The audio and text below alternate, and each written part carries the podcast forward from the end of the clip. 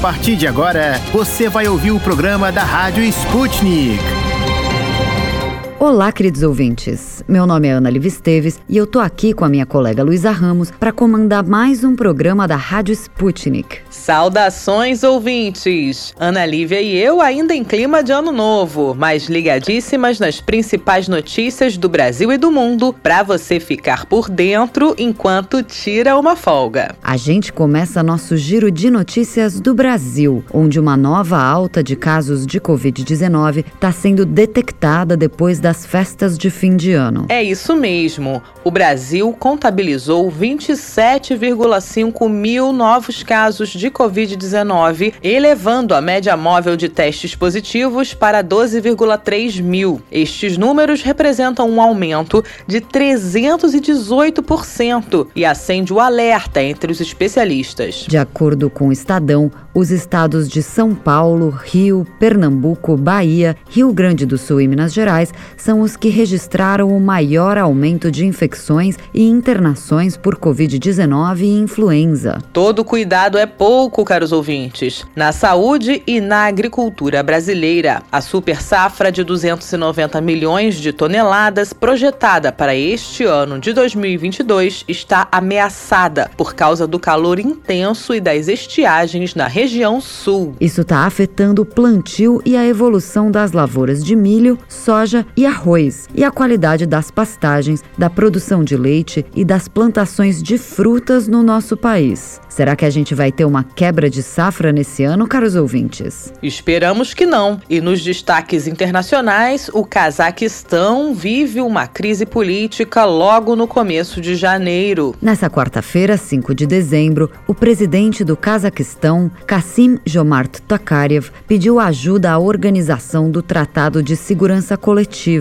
composta por Rússia, Armênia, Belarus, Cazaquistão, Quirguistão e Tajiquistão, para enfrentar a crise política e evitar ameaças terroristas no país. O Cazaquistão foi tomado por manifestações de rua por causa da alta no preço do gás natural liquefeito vendido no país. E hoje, dia 6 de janeiro, o governo local anunciou um teto para o preço do gás que deve ser mantido por pelo menos 180 dias. Vamos ver se isso arrefece os ânimos por lá. Os combustíveis estão realmente caros em todo lugar, minha gente. E no nosso continente americano, o destaque é para a prisão do ex-militar colombiano Mário Antônio Palacios, acusado de participar no assassinato do presidente do Haiti, Jovenel Moise, em julho de 2021. Ele foi preso no Panamá e, de acordo com fontes do governo colombiano, convidado a embarcar, aspas, voluntariamente para os Estados Unidos. Então, ele não foi enviado para o seu país natal, mas sim para o país no qual fica a sede da empresa de segurança acusada de envolvimento no assassinato do presidente haitiano. Quanto mistério nesse assassinato, caros ouvintes. Mas agora vamos lá ver o que mais a gente preparou para vocês no nosso programa de hoje hoje. E no programa de hoje.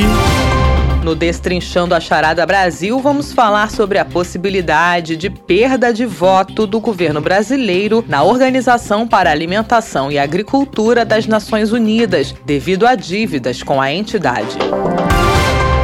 No Esqueceram de Mim em Portugal, vamos destacar a vacinação para crianças no país.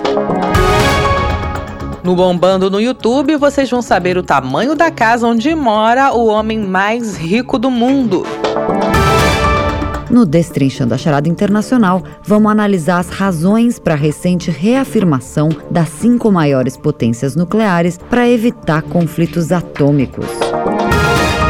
No Mistura do Brasil com Moscou, vamos conversar com o compositor brasileiro Wellington Gomes sobre música erudita no Brasil e na Rússia. Destrinchando a Charada. De dentro e fora do Brasil. Política, economia, sociedade e tudo que engloba o maior país da América Latina. As charadas mais complicadas do Brasil são destrinchadas aqui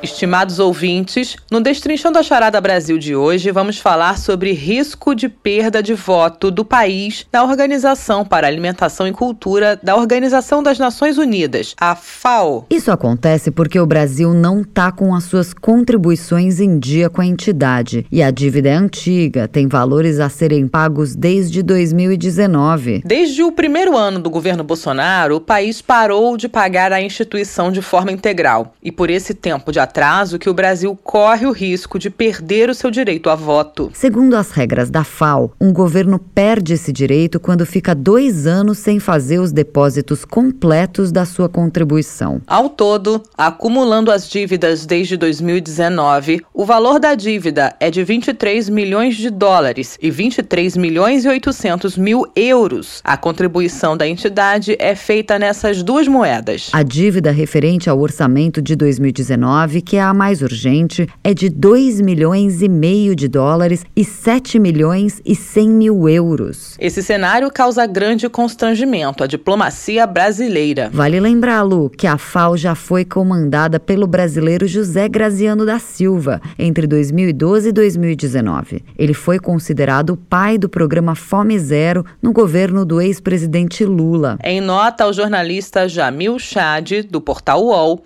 o Itamaraty reconheceu a dívida e afirmou que fez repasses à entidade nos dias 29 e 30 de dezembro, mas reconheceu que os esforços podem não ter sido suficientes. O envio foi feito na véspera do Réveillon, o que por si só já traz dificuldades na compensação bancária. O Itamaraty alegou que, devido às variações cambiais, corre o risco de que o valor não tenha sido suficiente para saltar de forma integral a contribuição de 2019. E essa situação da dívida, não só com a FAO, Ana, o próprio Itamaraty afirmou que fez um esforço na semana passada para enviar repasses para organizações como ONU, Unesco e Organização Mundial do Comércio para não perder sua capacidade de atuação. Ao todo foram pagos 846 milhões de reais a organismos internacionais e 2 bilhões e 800 mil reais a bancos e agências de fomento em 2021. A situação é é bem complicada e acontece no momento em que a própria FAO revelou um grande aumento da fome no Brasil, que é um dos maiores produtores agrícolas do mundo. Para falar um pouco sobre os impactos dessa dívida, convidamos Paulo Velasco, professor de Política Internacional da Universidade do Estado do Rio de Janeiro e pesquisador do Centro Brasileiro de Relações Internacionais. Olá, Paulo, muito obrigada pela sua participação aqui na Rádio Sputnik. Professor, como essa dívida com a FAO e a possibilidade possibilidade de perda de voto afeta a imagem do país e da diplomacia brasileira? Afeta muito fortemente, sobretudo porque a FAO é um organismo no qual o Brasil sempre mostrou uma postura muito cooperativa, fomos uma voz de liderança, né? não custa lembrarmos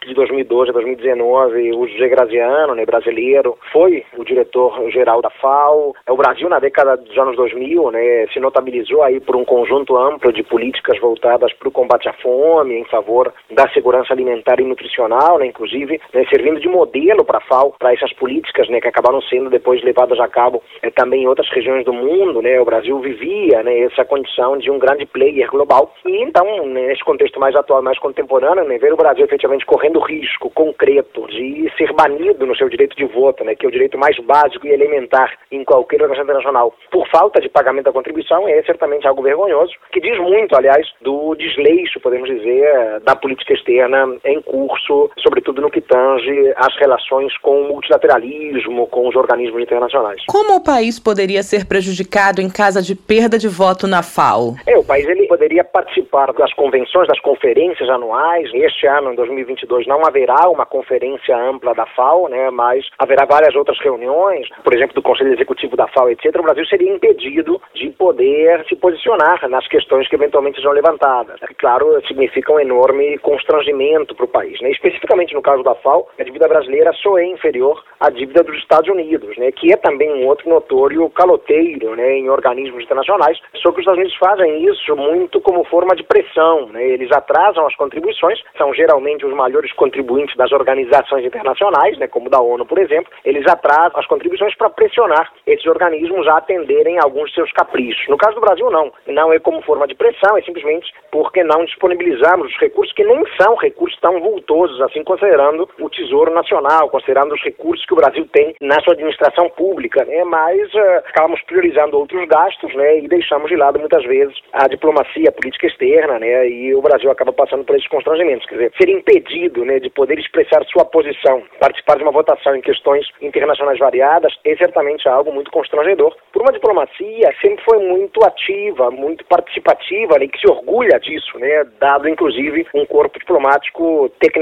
sempre muito reconhecido, né, inclusive mundo afora. O Brasil hoje é um grande produtor agrícola e pretende ser o celeiro do mundo, como diz o governo. Nesse contexto, qual é a importância de se manter nas discussões e ter poder de voto na Organização para Alimentação e Agricultura da ONU, a FAO? É fundamental, né? A importância justamente passa no sentido de que o Brasil ele gosta de se colocar como um exemplo, como um modelo. Né? E a FAO é uma esfera onde tradicionalmente nós fizemos isso, justamente não só por sermos uma potência agrícola da maior importância, lembrando que a FAO é a Organização das Nações Unidas para Alimentação e Agricultura, né? Tem a sua sede em Roma, na capital italiana. O Brasil é uma potência agrícola, né? Exportador aí de gêneros variados e também é um ator que sempre mostrou muito compromisso com as questões de combate à fome, né? Sobretudo no que tange as políticas voltadas para a segurança alimentar e também a segurança nutricional. Então, eventualmente, sermos banidos do nosso direito ao voto nessa organização acaba tendo impactos muito perniciosos para nossa atuação diplomática no exterior. Tivemos grandes embaixadores que passaram justamente pelo comando da delegação brasileira na FAO, né, um posto cobiçado até por ser na capital italiana, né, então, claro que implica em uma perda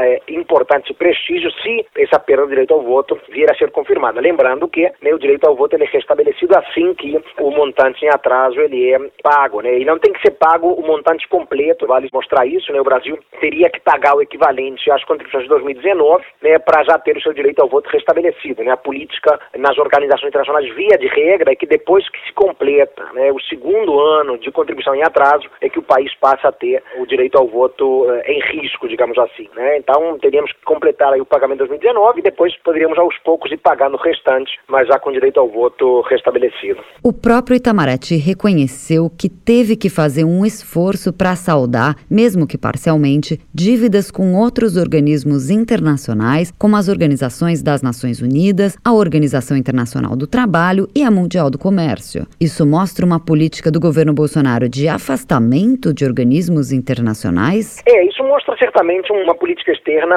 pouco aceita ao multilateralismo de um modo geral. Né? Vimos em vários momentos, sobretudo durante a gestão do ex-chanceler Ernesto Araújo à frente do Itamaraty, uma retórica de desprezo, eu diria, inclusive, em relação a organizações internacionais diversas, né, que foram acusadas muitas vezes de contrariar os interesses do Brasil, né, enfim, uma retórica eh, dita antiglobalista. É, e muitas vezes repetimos, inclusive, os discursos do então presidente dos Estados Unidos, Donald Trump. Então podemos dizer que sim, esse descuido do Brasil em colocar em dia as contribuições, esses atrasos reiterados, no caso do governo Bolsonaro, refletem sim um pouco dessa falta de atenção, digamos assim, né, ao diálogo e à coordenação com organizações de caráter multilateral, contrariando, aliás, vale dizer, é, a nossa tradição diplomática. O Brasil, historicamente, sempre né, se viu muito dentro das organizações, né, muito comprometido com o multilateralismo, por entender né, que o multilateralismo é uma vitrine importante né, para buscarmos nossos interesses e são espaços onde, via de regra, vale ressaltar também, as assimetrias de poder ficam bastante atenuadas, o que significa dizer que dentro de uma ONU, de uma Unesco, de uma FAO ou de uma Organização Mundial de Comércio, é, o Brasil acaba tendo seus poderes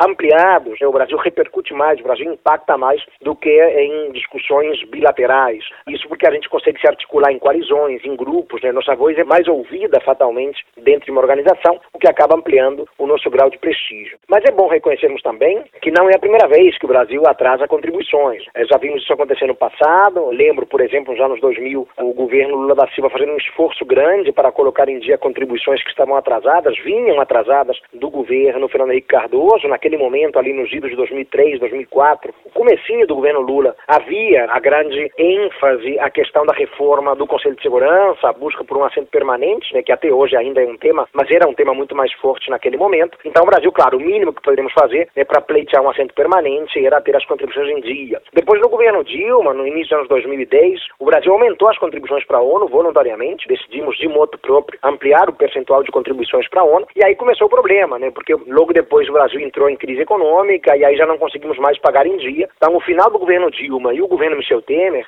foram períodos em que já havia um atraso nas contribuições contribuições, mas isso tudo se vê agravado, claro, no governo Bolsonaro. Com base nisso, Paulo, quais são os impactos desse afastamento para o posicionamento da diplomacia brasileira internacionalmente? O afastamento afeta muito, porque o Brasil, diferentemente das grandes potências, o Brasil não tem excedentes de poder. Então, uma grande potência global, como uma China, os Estados Unidos, uma Rússia, né, ou mesmo, mas que ainda tem grandes excedentes de poder, né, como o Reino Unido, França, eles podem eventualmente eh, se dar ao luxo de agir em bases unilaterais. E não raro fazem, né? Vimos isso no caso da Rússia na questão da Crimeia, vemos periodicamente a China agir unilateralmente, né, às margens do multilateralismo em questões, né, que lidam ali com o seu próprio território, Taiwan, Hong Kong, mais recentemente a província de Xinjiang. E os Estados Unidos, né, periodicamente o fazem, né? Decidiram invadir o Iraque, por exemplo, em março de 2003, ao arrepio do direito nacional, né, à margem do Conselho de Segurança da ONU, da própria ONU. Então são atores que podem bancar posições unilaterais porque têm poder, têm cacife para isso. O Brasil não. O Brasil é um país caracterizado via de regra na literatura como uma potência média,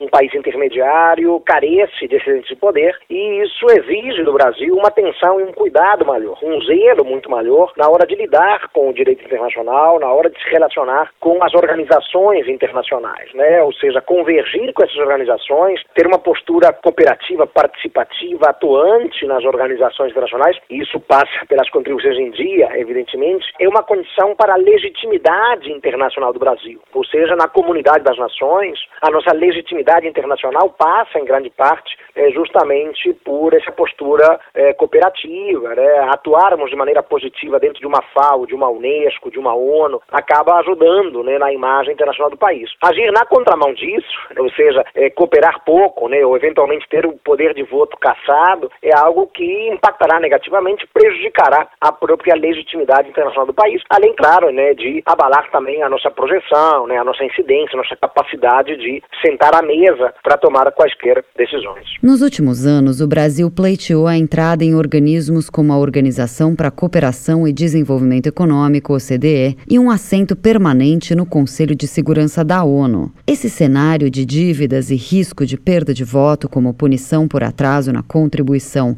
prejudica os pleitos brasileiros?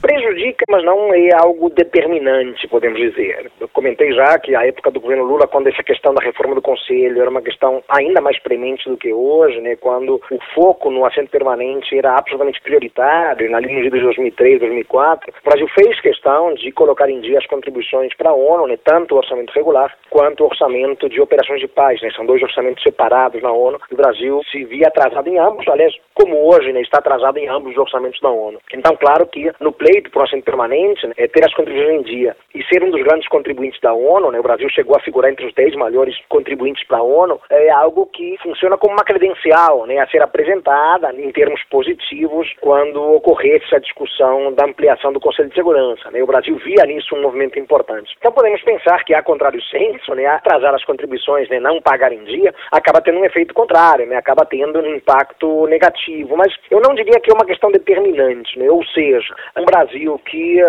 atrasa, e não é a primeira vez que fazemos, contribuições, não será impedido de aceder ao CDE por causa disso. Né, ou seja, a nossa entrada no CDE não depende de que paguemos outros organismos em dia. Né, a nossa entrada ela acabará acontecendo por questões mais diretamente técnicas. Claro que a decisão, em última instância, ela é sempre política, mas né, o Brasil está ali tentando cumprir os requisitos técnicos, né, aderir ao acabouço normativo da OCDE, e é isso que eventualmente garantirá a nossa entrada, como garantiu a entrada né, recentemente da Costa Rica, um pouco antes da Colômbia, um pouco antes do Chile, só para ficar no espaço latino-americano. Mas, enfim, claro que sim, qualquer atraso em pagamentos abala a imagem do país e pode ter uma repercussão negativa nesses pleitos de acesso a organismos internacionais, como a OCDE, né, que é o grande objetivo do governo Bolsonaro, ou, eventualmente, o sonho do assento permanente, que hoje parece bastante distante, mas continua sendo acalentado pela diplomacia brasileira. Muito obrigada por sua participação aqui no programa da Sputnik. Vamos acompanhar aqui o desenrolar dessas dívidas do governo brasileiro e suas consequências. Esse foi Paulo Velasco, professor de Política Internacional da Universidade do Estado do Rio de Janeiro e pesquisador do Centro Brasileiro de Relações Internacionais. E o nosso Destrinchão da Charada Brasil desta quinta-feira, dia 6, fica por aqui. Até a próxima!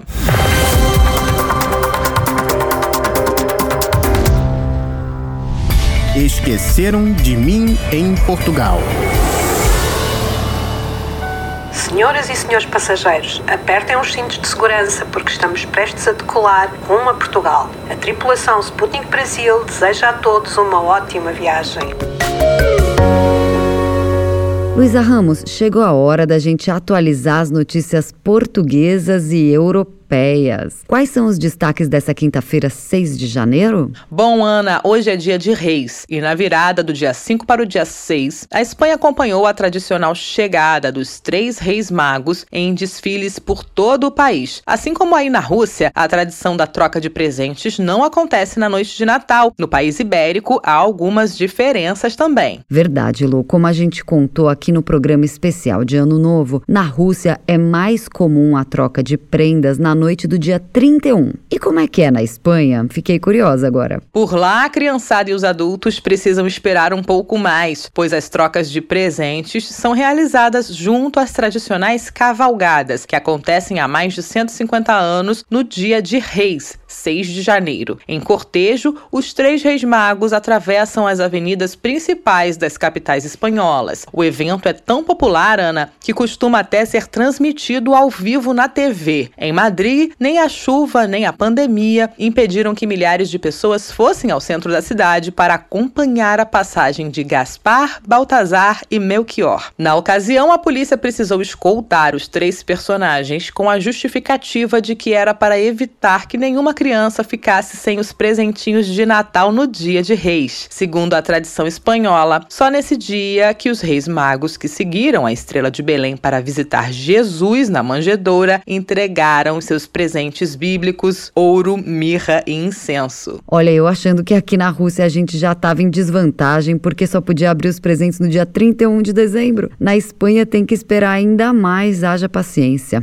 E sobre Portugal, Lu, qual que é o destaque de hoje? Sem dúvidas, ainda falando de crianças, hoje tem destaque a imunização infantil, Ana e ouvintes, pois começou a vacinação exclusiva para crianças e a comunidade escolar em Portugal. Segundo a agência Lusa, mais de 100 mil crianças entre os 5 e os 11 anos e professores e profissionais das creches e centros de atividades de tempos livres, ATL, que são estabelecimentos de acolhimento, começam a ser convocados para vacinação contra a Covid-19 ao longo do dia de hoje, 6 de janeiro. Já são cerca de 103 mil agendamentos até domingo. Só no fim de semana, de 18 e 19 de dezembro, foram vacinadas 95 mil 1.752 crianças com a dose pediátrica da Pfizer. Enquanto alguns países dificultam a imunização das crianças, Portugal já está adiantando essa faixa etária e com uma ótima adesão. Verdade. A decisão de vacinar este grupo etário foi anunciada pelo governo ainda em dezembro, após a recomendação da Direção-Geral da Saúde, ou a DGS, em Portugal, que informou que a partir de 5 de fevereiro até 13 de março serão administradas as segundas segundas doses para os pequenos de até 11 anos. Ah, que bom saber que os professores também foram incluídos. Sim, Ana, mas não foi fácil não. Os professores precisaram reivindicar o direito ao reforço. Na segunda-feira, dia 3, a Federação Nacional dos Professores de Portugal pediu mais uma vez que os trabalhadores das escolas deveriam ser sim considerados como um dos grupos prioritários da vacinação e, portanto, incluídos como elegíveis para o reforço antes do regresso às aulas agendado para para o dia 10 de janeiro. Daí, só no início da semana que foi também anunciado que os professores e profissionais das creches e abrigos receberiam uma dose de reforço da vacina contra a Covid-19. Para vacinar com a dose de reforço, o pessoal docente e não docente tem que efetuar previamente o pedido de senha digital no portal Covid-19 do Ministério da Saúde. Basta colocar na busca portal Covid Casa Aberta. No entanto, nesta quinta-feira pela manhã e até o fechamento fechamento do nosso programa, o site estava indisponível, provavelmente pela alta procura. A gente segue acompanhando então. Lu, muito obrigada pelas notícias da Península Ibérica.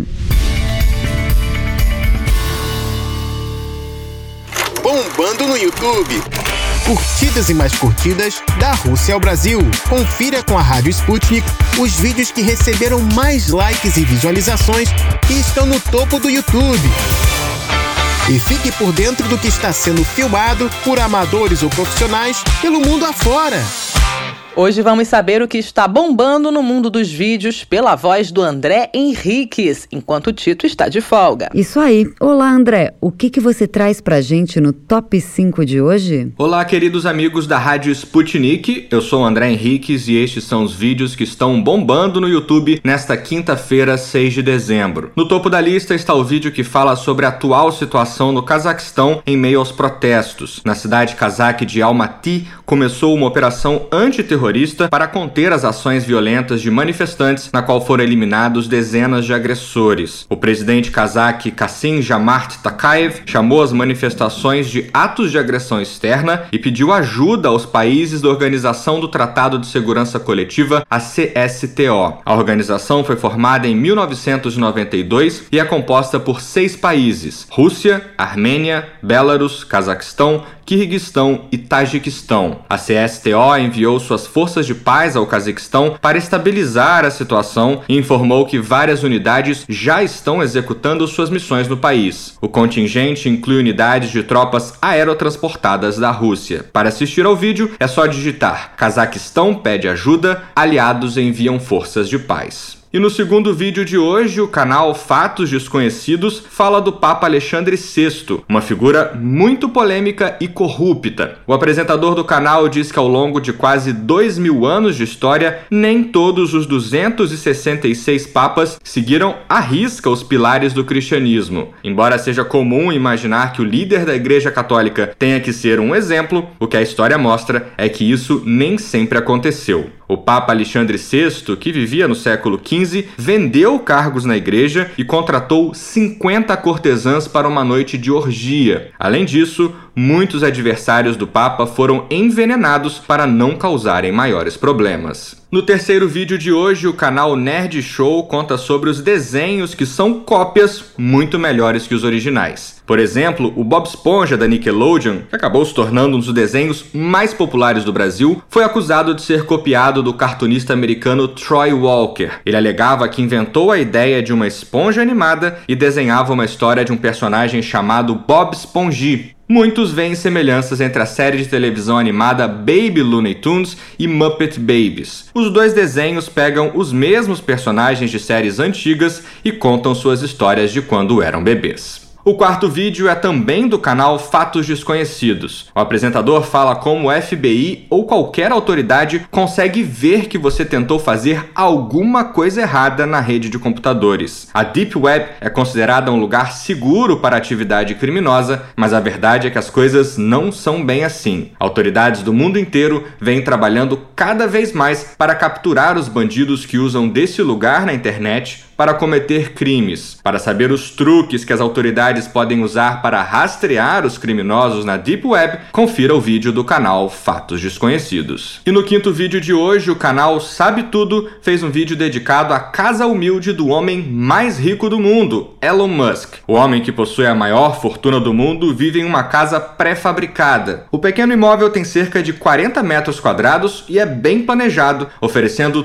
tudo o que é necessário para uma vida tranquila. A maior vantagem da moradia é que ela pode ser levada para qualquer lugar ao mesmo tempo que é bem barata. Bem, queridos ouvintes, por hoje é só. Até amanhã. O que, que você achou da humildade, entre aspas, do Elon Musk, Ana? Olha, ele faturou mais de 30 bilhões de dólares essa semana depois das ações da Tesla subirem 13,5%. Então eu não sei aonde esse homem quer chegar vivendo numa casa menor do que a minha, sinceramente. Pois é, realmente, sendo a pessoa mais rica do mundo, pode ter a mansão que quiser e quantas quiser. Só no quarto semestre de 2021, a Tesla bateu recorde de vendas. Foram mais de 300 mil carros elétricos, caros ouvintes. Com o acréscimo, a fortuna do Musk passou dos 300 bilhões de dólares. Mais que o PIB de muitos países. Isso tudo em reais dá uma cifra acima de 1,7 trilhão, garantindo com folga o lugar de pessoa mais rica do mundo. A segunda posição é ocupada pelo fundador da Amazon, Jeff Bezos, que possui cerca de 1,11 trilhão de reais. Não é para qualquer um. Valeu, André Henriques, pelas recomendações do dia.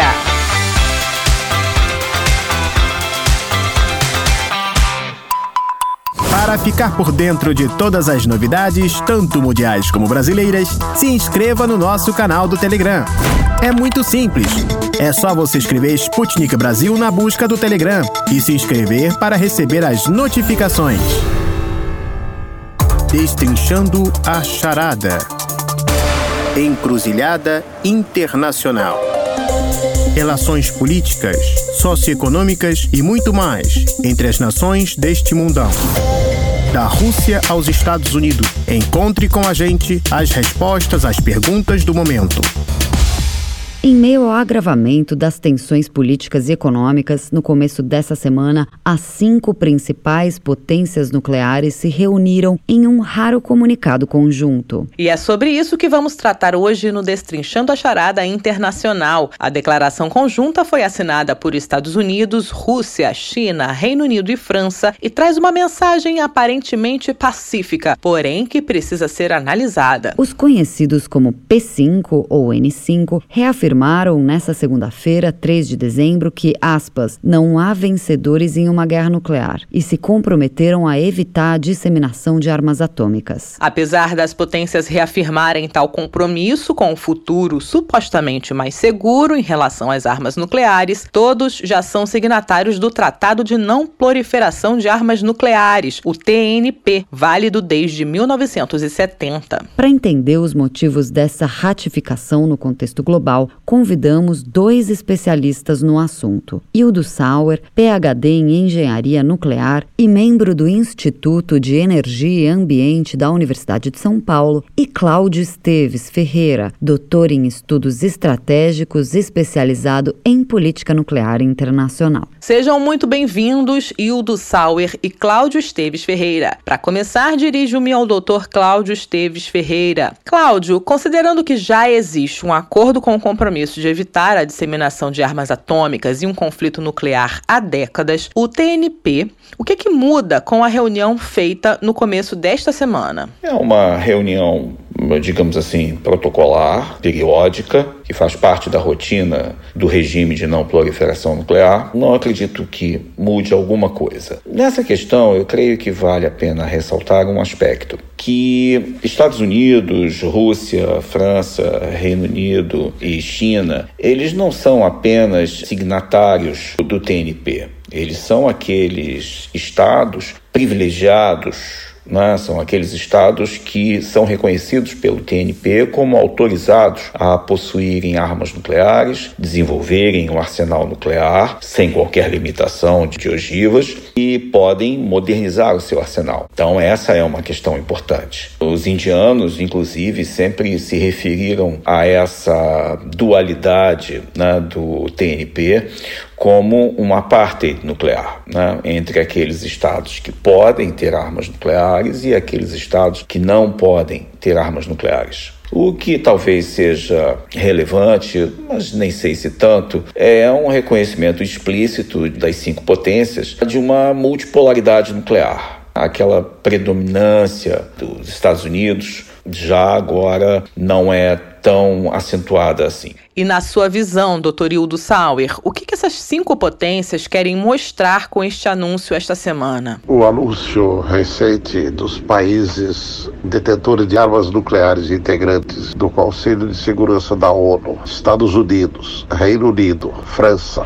Rússia e China é motivo de profunda frustração, decepção e tristeza para toda a humanidade. Lamentavelmente, esses países, ao invés de cumprirem o espírito do Tratado de Não Proliferação de Armas Nucleares e a própria Carta das Nações Unidas, de caminhar em direção à paz em toda a humanidade, promovendo o imediato desmantelamento de suas armas e arsenais nucleares e colocação de todos os materiais nucleares, plutônio e urânio enriquecido sob salvaguardas da Agência Internacional de Energia Atômica, que para isso precisa ser fortalecida, reformada e ampliada, ao invés de fazer este gesto previsto no próprio tratado, eles anunciam que querem manter sua supremacia, impor aos demais países sua superioridade com base na força das armas nucleares. É um gesto que mostra o quanto a humanidade ainda precisa progredir para se tornar realmente civilizada e um mundo que busque a paz não a supremacia de uns países, sua superioridade para os outros. O velho imperialismo colonial agora é substituído pela supremacia das armas nucleares. É impressionante notar o quanto, mesmo havendo notórias diferenças do âmbito da geopolítica, no âmbito dos interesses econômicos, mormente entre de um lado Rússia e China e de outro Estados Unidos, secundado pela Inglaterra e pela França, ainda assim essas potências se unem para tentar impor aos demais países a sua superioridade. Entendi. Então você vê a reafirmação do Space 5 como demonstração de poder no cenário internacional. E você vê alguma alternativa para a resolução dessa demarcação de superioridade sobre o TNP? Como que o Brasil e outros países, por exemplo, poderiam atuar nesse contexto? Mas neste momento não vejo outra saída a não ser países como o Brasil, talvez em conjunto com a própria Argentina, México, Alemanha, Japão, África do Sul talvez até a própria Austrália e Canadá caminharem na direção de exigir que ou os cinco países e os demais, como Israel possivelmente, Índia, Paquistão e Coreia do Norte, caminhem decisivamente para a desnuclearização, para o desmantelamento de seus arsenais nucleares, para a retirada de todos os materiais físseis e colocação desses materiais sob a guarda da Agência Internacional de Energia Atômica, que também seria responsável por prover, operar e reciclar todos os combustíveis nucleares dos reatores nucleares usados para fins pacíficos, quer na pesquisa, quer na geração de energia em todo o mundo, de maneira que há um grande espaço para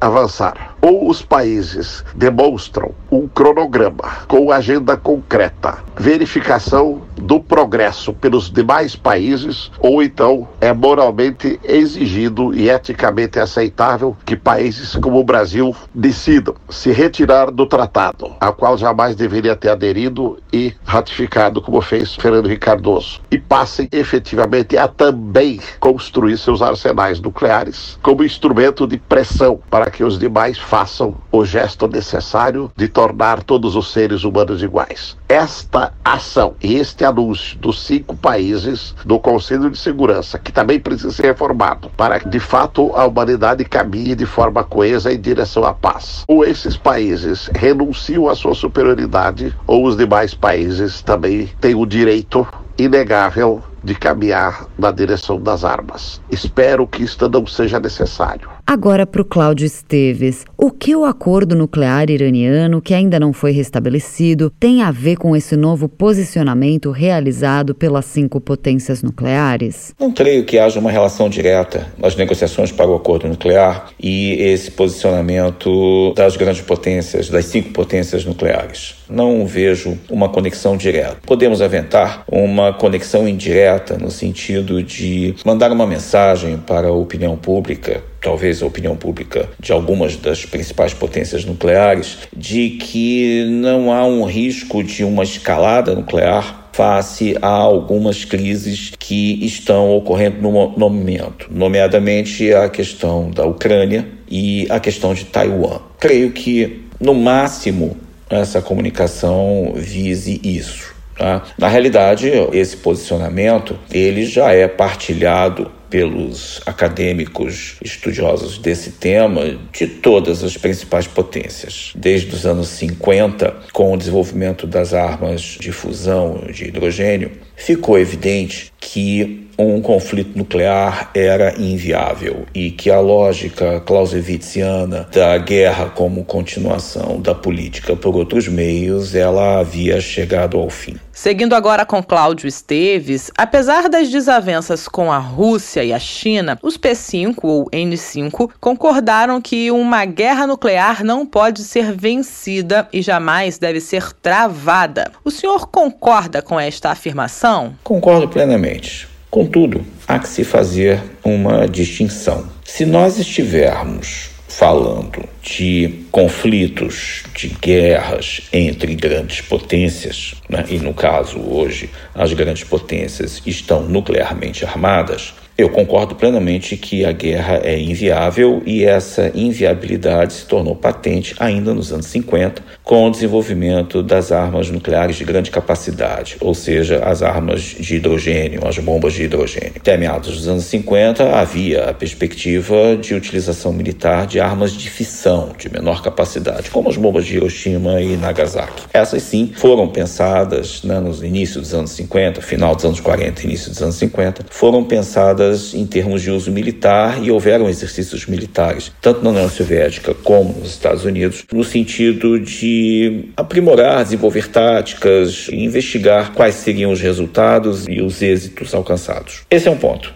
Então, guerras nucleares, guerras totais ou guerras amplas entre as grandes potências, não acredito. A arma nuclear é hoje ela é vista apenas como um instrumento de dissuasão, de impedir que o outro o ataque. Segundo a ONU, 191 países assinaram o tratado, mas sabemos que a polêmica sobre enriquecimento de urânio e armas nucleares é muito mais forte entre as cinco nações já mencionadas. A gente também tem muito viva na seara internacional a questão de China e Taiwan, na qual os Estados Unidos também estão envolvidos. A gente pode dizer que se trata de mais uma maneira de tentar controlar Rússia e China, Cláudio? No caso da China, há uma questão importante. Em 1978, quando os Estados Unidos reconhece a China e reestabelece relações diplomáticas com a China, o Congresso americano votou um act com relação a Taiwan. O Congresso e os Estados Unidos se comprometem a aceitar que haja uma reunificação de Taiwan à China desde que seja de forma pacífica. Se não for, os Estados Unidos vão atuar para impedir. Em outras palavras, os Estados Unidos reconhecem uma única China, reconhecem que Taiwan é uma província rebelde, mas também estabelecem que a unificação ou a reunificação de Taiwan e China só terá a concordância americana se for feita de forma pacífica. É uma diferença em relação a uma situação da Rússia com a Crimeia, com a Ucrânia. Então isso é uma questão que envolve diretamente os Estados Unidos na questão de Taiwan. E há de se lembrar que nessa época, 78, 79, é quando Deng Xiaoping assume as rédeas e, e, estabelece uma profunda interação econômica, financeira com os Estados Unidos. Né? Já eram aliados desde 71, 72, mas essa aliança se estreita com vistas a enfraquecer a União Soviética no contexto da Guerra Fria. Posteriormente, nos anos 90, essa situação mudou em 95, você tem a grande crise dos mísseis né, de Taiwan. Os Estados Unidos deslocaram dois porta-aviões em direção ao Mar da China, ali o Estreito de Formosa, no sentido de dissuadir a China a encerrar os mísseis que ela vinha lançando periodicamente ali, provocando uma escalada de crise imprevisível. Mas até essa situação acontecer, dezenas, centenas de milhares de estudantes chineses foram frequentar as universidades americanas, cursos de alta tecnologia, o fornecimento de equipamento dos Estados Unidos e de tecnologia associada a esse equipamento foi quase que irrestrito. Cláudio, e qual é a relevância atual do TNP, que é um acordo que não inclui Índia, Israel, Coreia do Norte e Paquistão, que também possuem armamentos nucleares? O TNP, como parte da ordem internacional, ele expressa as contradições, as dissensões que existem na ordem internacional. Os países que citados na questão, Israel, Índia, Coreia do Norte e Paquistão, eles têm relações diferentes com o sistema internacional e com a ordem internacional que dele resulta. Com relação à Coreia do Norte, é bastante conhecida a situação. Há um estado de guerra ainda entre Coreia do Norte e Coreia do Sul, fruto dos eventos dos anos 50 e de lá até hoje os Estados Unidos cercam na sua cruzada anticomunista a Coreia do Norte. E a Coreia do Norte, ela entrou no mercado negro, inclusive ela adquiriu tecnologia do Paquistão e em troca né, forneceu tecnologia de mísseis. Essas questões não têm como ser combatidas, né, neutralizadas por um tratado da ordem internacional. A situação da Coreia do Norte ela, ela, é muito vista sob o prisma do Ocidente, mas se nós pensarmos no conceito de soberania, abstrairmos né, todas as questões que rotulam a Coreia do Norte, mas pensarmos teoricamente em termos de soberania. E vamos voltar ao exemplo do seu vizinho. Eu tenho um vizinho que não gosta de mim e fica fazendo exercícios militares, tiro ao alvo, comprando armas, comprando armas, comprando armas, comprando armas do outro lado da minha cerca. O que, que eu faria? Os Estados Unidos fazem exercícios militares com grande armamento nas fronteiras da Coreia do Norte, junto com a Coreia do Sul, inimigo da Coreia do Norte, e com o Japão. Promove um cerco, uma asfixia financeira, econômica. A Coreia do Norte é um país pequenininho, como é que ele pode equalizar maciça superioridade convencional? Através de armas nucleares. Então, há limites para o TNP, mas o TNP ele tem seu papel e ele normatiza o seu uso. Isso é importante. Ele não impede o contrabando, tá? ele não impede o comércio negro, ele fiscaliza. Há assim, dezenas de países que têm instalações nucleares que são supervisionadas pela agência internacional. Ele tem relevância, mas é uma relevância relativa. Quero agradecer mais uma vez a disponibilidade de Cláudio Esteves Ferreira, doutor em estudos estratégicos, especializado em política nuclear internacional. E ao Wildo Sauer, PhD em Engenharia Nuclear e membro do Instituto de Energia e Ambiente da USP. Muito obrigada pelos esclarecimentos e análises. Estimados ouvintes, o nosso Destrinchão da Charada Internacional fica por aqui. Até mais.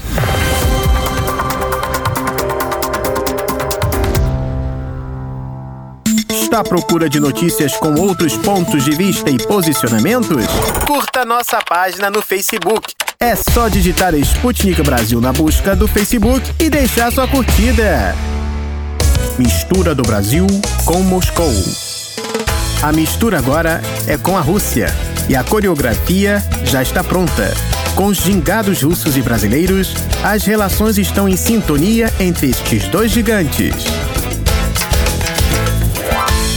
Olá, queridos ouvintes. Hoje é quinta-feira e, como vocês sabem, é dia de música rara brasileira aqui na Rádio Sputnik. Exatamente. O projeto Música Rara Brasileira divulga semanalmente uma peça de compositores eruditos brasileiros em parceria com o Zenon Instituto Cultural. Toda sexta-feira, a partir das 15 horas, vocês podem conferir uma peça nova na página do YouTube do Zenon Instituto Cultural. Mas um dia antes, a Rádio Sputnik traz para você uma conversa exclusiva com os compositores ou com músicos envolvidos nessa empreitada. E hoje vamos ligar lá para Salvador, na Bahia, para conversar com o compositor Wellington Gomes. O Wellington é violista de formação e doutor em composição pela Universidade Federal da Bahia e atualmente é professor de composição, orquestração, arranjo, literatura e estruturação musical por lá. E ele é um compositor premiado, viu, ouvintes? Ele ganhou o prêmio Funarte de Música Clássica quatro vezes. É tetra campeão brasileiro. Fora do Brasil, o trabalho dele também é reconhecido. Em 2008, ele levou o Prêmio Internacional de Composição Klanderwelt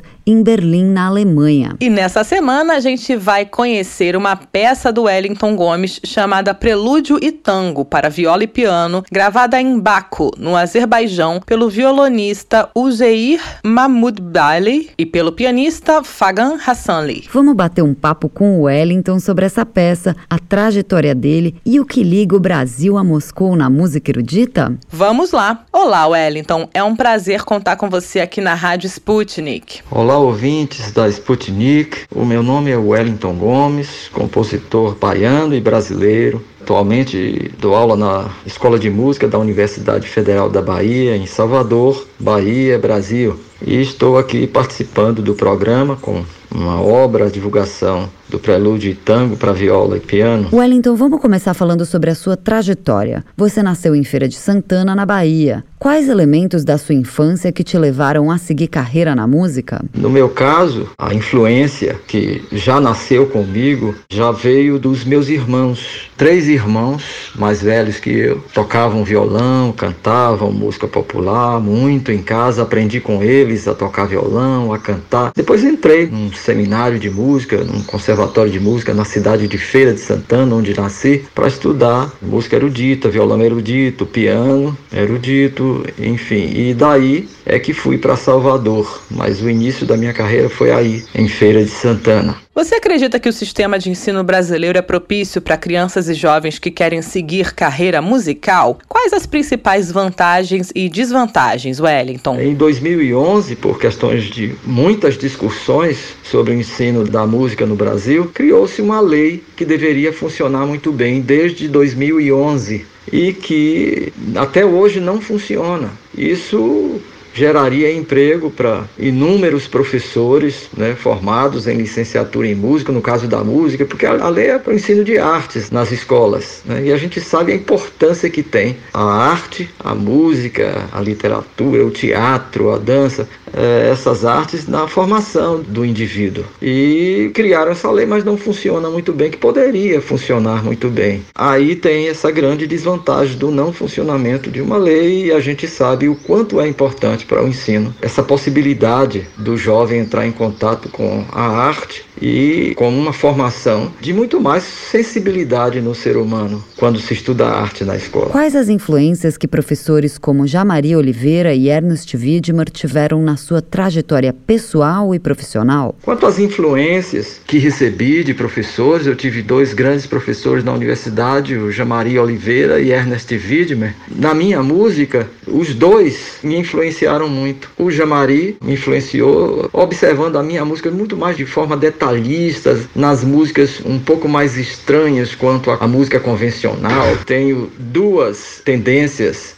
digamos assim, duas tendências na minha trajetória como compositor, que a primeira são obras mais complexas, né, tanto do ponto de vista harmônico quanto de rítmico e estético, e a outra mais voltada para influências da música popular, de coisas muito mais culturais do meu país, da minha cidade, do meu estado, e essas outras influências relacionadas à, à parte mais cultural veio de Ernest Widmer, que estava sempre atento a essa linha, digamos assim, relacionada à cultura brasileira e à música em si, à criação musical em si. Peças suas, como Frevinho, trazem elementos da cultura popular brasileira para a música erudita. Por que, que você optou por promover esse diálogo entre a música popular e a música erudita? Esse contexto de relacionado à música popular, à música erudita, vem comigo desde criança e quando me deparei com o ensino na universidade,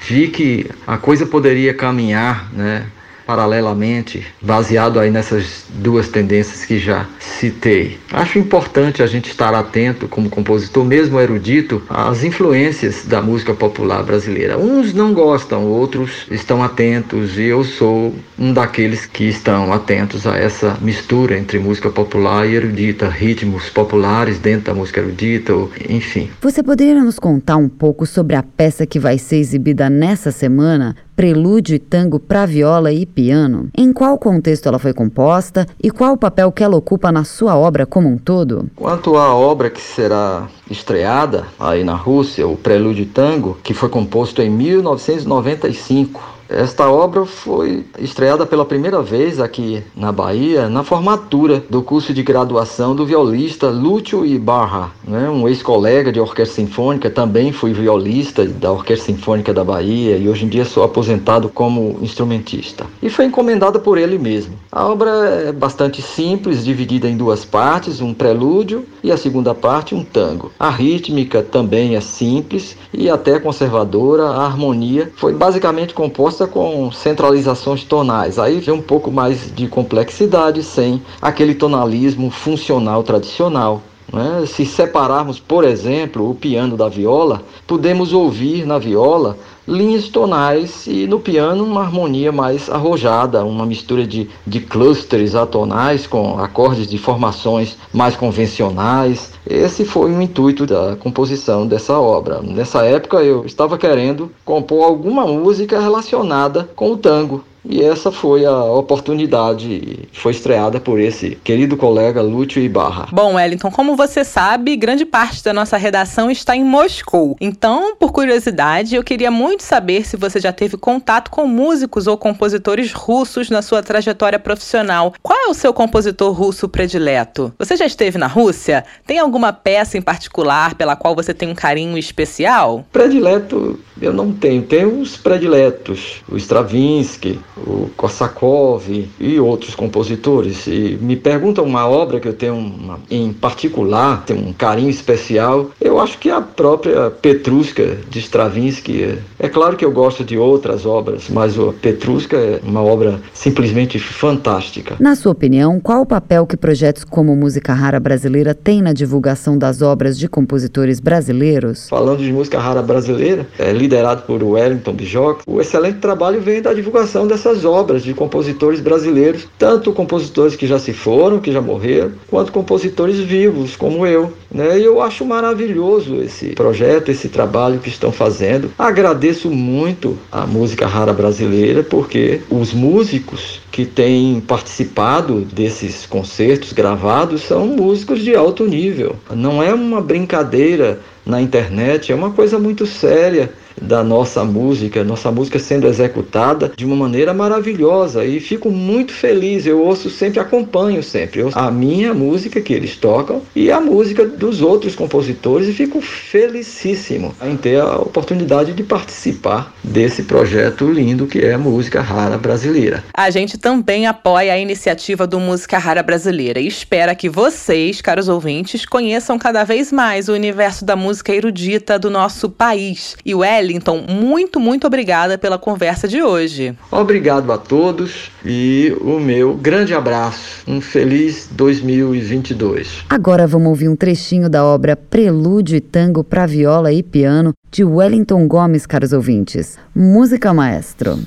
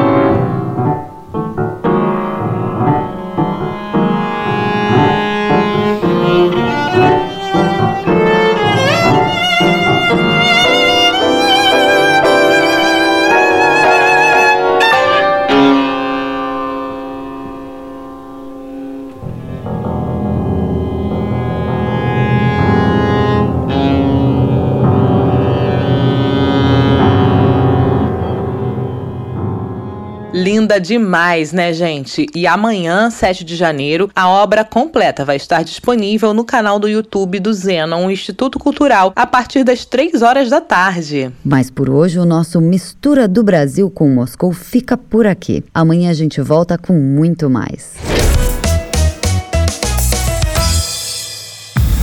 Não se esqueça de ler, curtir e comentar nossas matérias no site br.sputniknews.com. Hora de dar tchau.